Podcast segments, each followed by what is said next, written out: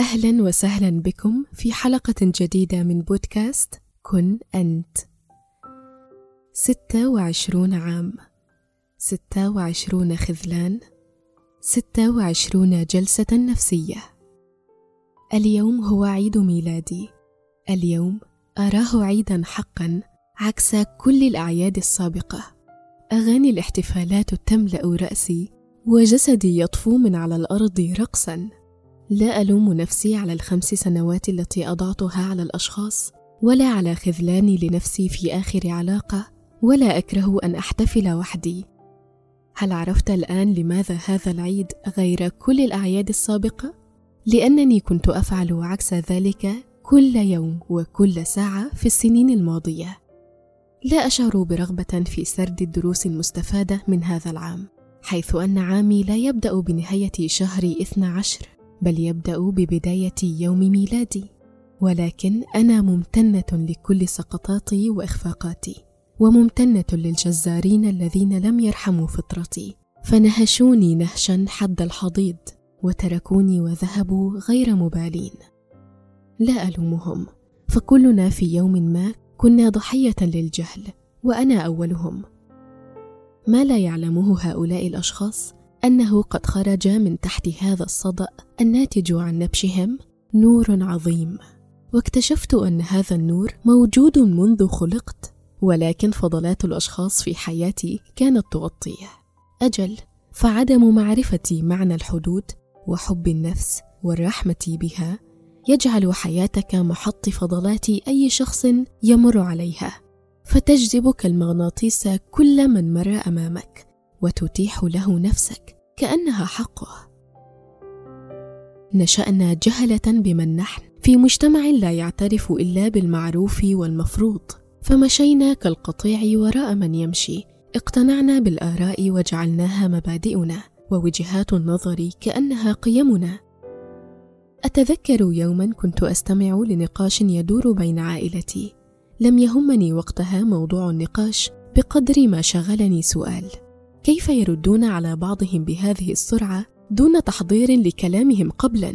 أي كيف الكلام ينسدل منهم كأنهم يحفظوه هكذا؟ فكرة طفولية ساذجة أعلم. ولكن تخيل أن أكون في عمر الابتدائية وأرى فقط الرد على الأشخاص يحتاج تحضير مسبق أو لم يصلني بعد فكرة أن لكل منا عقل. نحن نستمع كلام الشخص ونرد عليه حسب شخصياتنا وأفكارنا وعلى حسب الموضوع الذي يتحدث عنه الشخص. أشياء مثل هذه تبدو بسيطة ولكن للأسف هي ما تجعلنا نحن عندما نكبر. منذ شهرين كان خذلاني السادس والعشرين. انفعلت أختي أثناء مواساتي وقالت لي بنبرة حادة حب نفسك بقى. فأجبتها بنبرة مستميتة. أحب نفسي إزاي؟ أنا مش عارفة أحب نفسي. حينها ارتخت كل محاولاتي لحب نفسي. كأنها كانت كالحبل المشدود على آخره يحاول أن يصل ولكن لا يعرف إلى أين. أني لا أستطيع حب نفسي متخلية عن الشجاعة الزائفة والمحاولات الغير مجدية. وحين فعلت ذلك جاءني حبي لنفسي طالبا مني السماح. عندما تتخلى تسلم. فكل ما تعتقد أنه أنت ويعطيك قيمة هو ليس كذلك. هو فقط جزء منك ومن حياتك. لا تبحث عن حبك لنفسك عند الأشخاص. لا تفعل ذلك. صدقني لن ترضى ولو بواحد في المئة ولن تشبع وستظل حلقة الجوع تتسع حتى تبتلعك بعمق أكبر. اترك كل ما ترى أنه يعطيك قيمة إن كان شيء أو شخص خذ مساحة منه وانظر له بحقيقته. لا زالت خبرتي ووعي قليلين جدا ولكني سعيدة بهذه المعرفة القليلة. فبعد أن كنت أتمنى الموت أنا هنا سعيدة بالسبب الذي جعلني أفكر هذا التفكير لأن حقيقة في كل بقعة ظلام تسقط فيها حتما ستجد نقطة النور التي ستفتح لك طرقا كثيرة من الوعي والنضج. نحن نشترك في المعاناة لأننا نعيش في نفس هذه الحياة قال الله تعالى ولقد خلقنا الإنسان في كبد.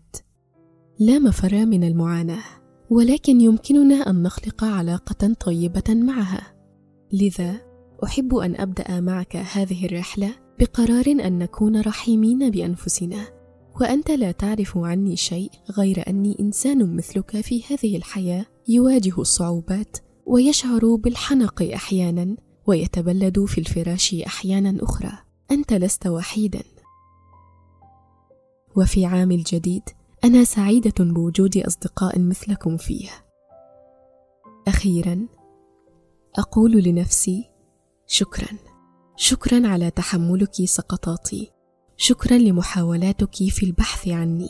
شكرا لمحاولاتك إسعادي. شكرا لأنك أهديتني وردة حمراء يوم ميلادي. شكرا لأنك بدأت تسمعين صوتي. شكرا لأنك بعد كل هذا التخبط اخترت أن تكوني انت. أتمنى لك عدم اليأس في المحاولة وأن تصبحي كما تتمني. آسفة على كل ما مررت به. يدي بيدك لنكون أفضل. لنعيش الحياة بكل معاناتها. وأن لا نتمنى الموت مرة ثانية عندما نشعر بالألم. سنتصالح معه ونسانده. ونقول له أعلم أنك لست ضدي. نحن معا. وسنتخطى هذه المحنة. أتمنى أن تجد السلام الذي تتمنينه وأن تكوني في عمر الثمانين ممتنة لكل يوم قضيتيه في هذا العالم.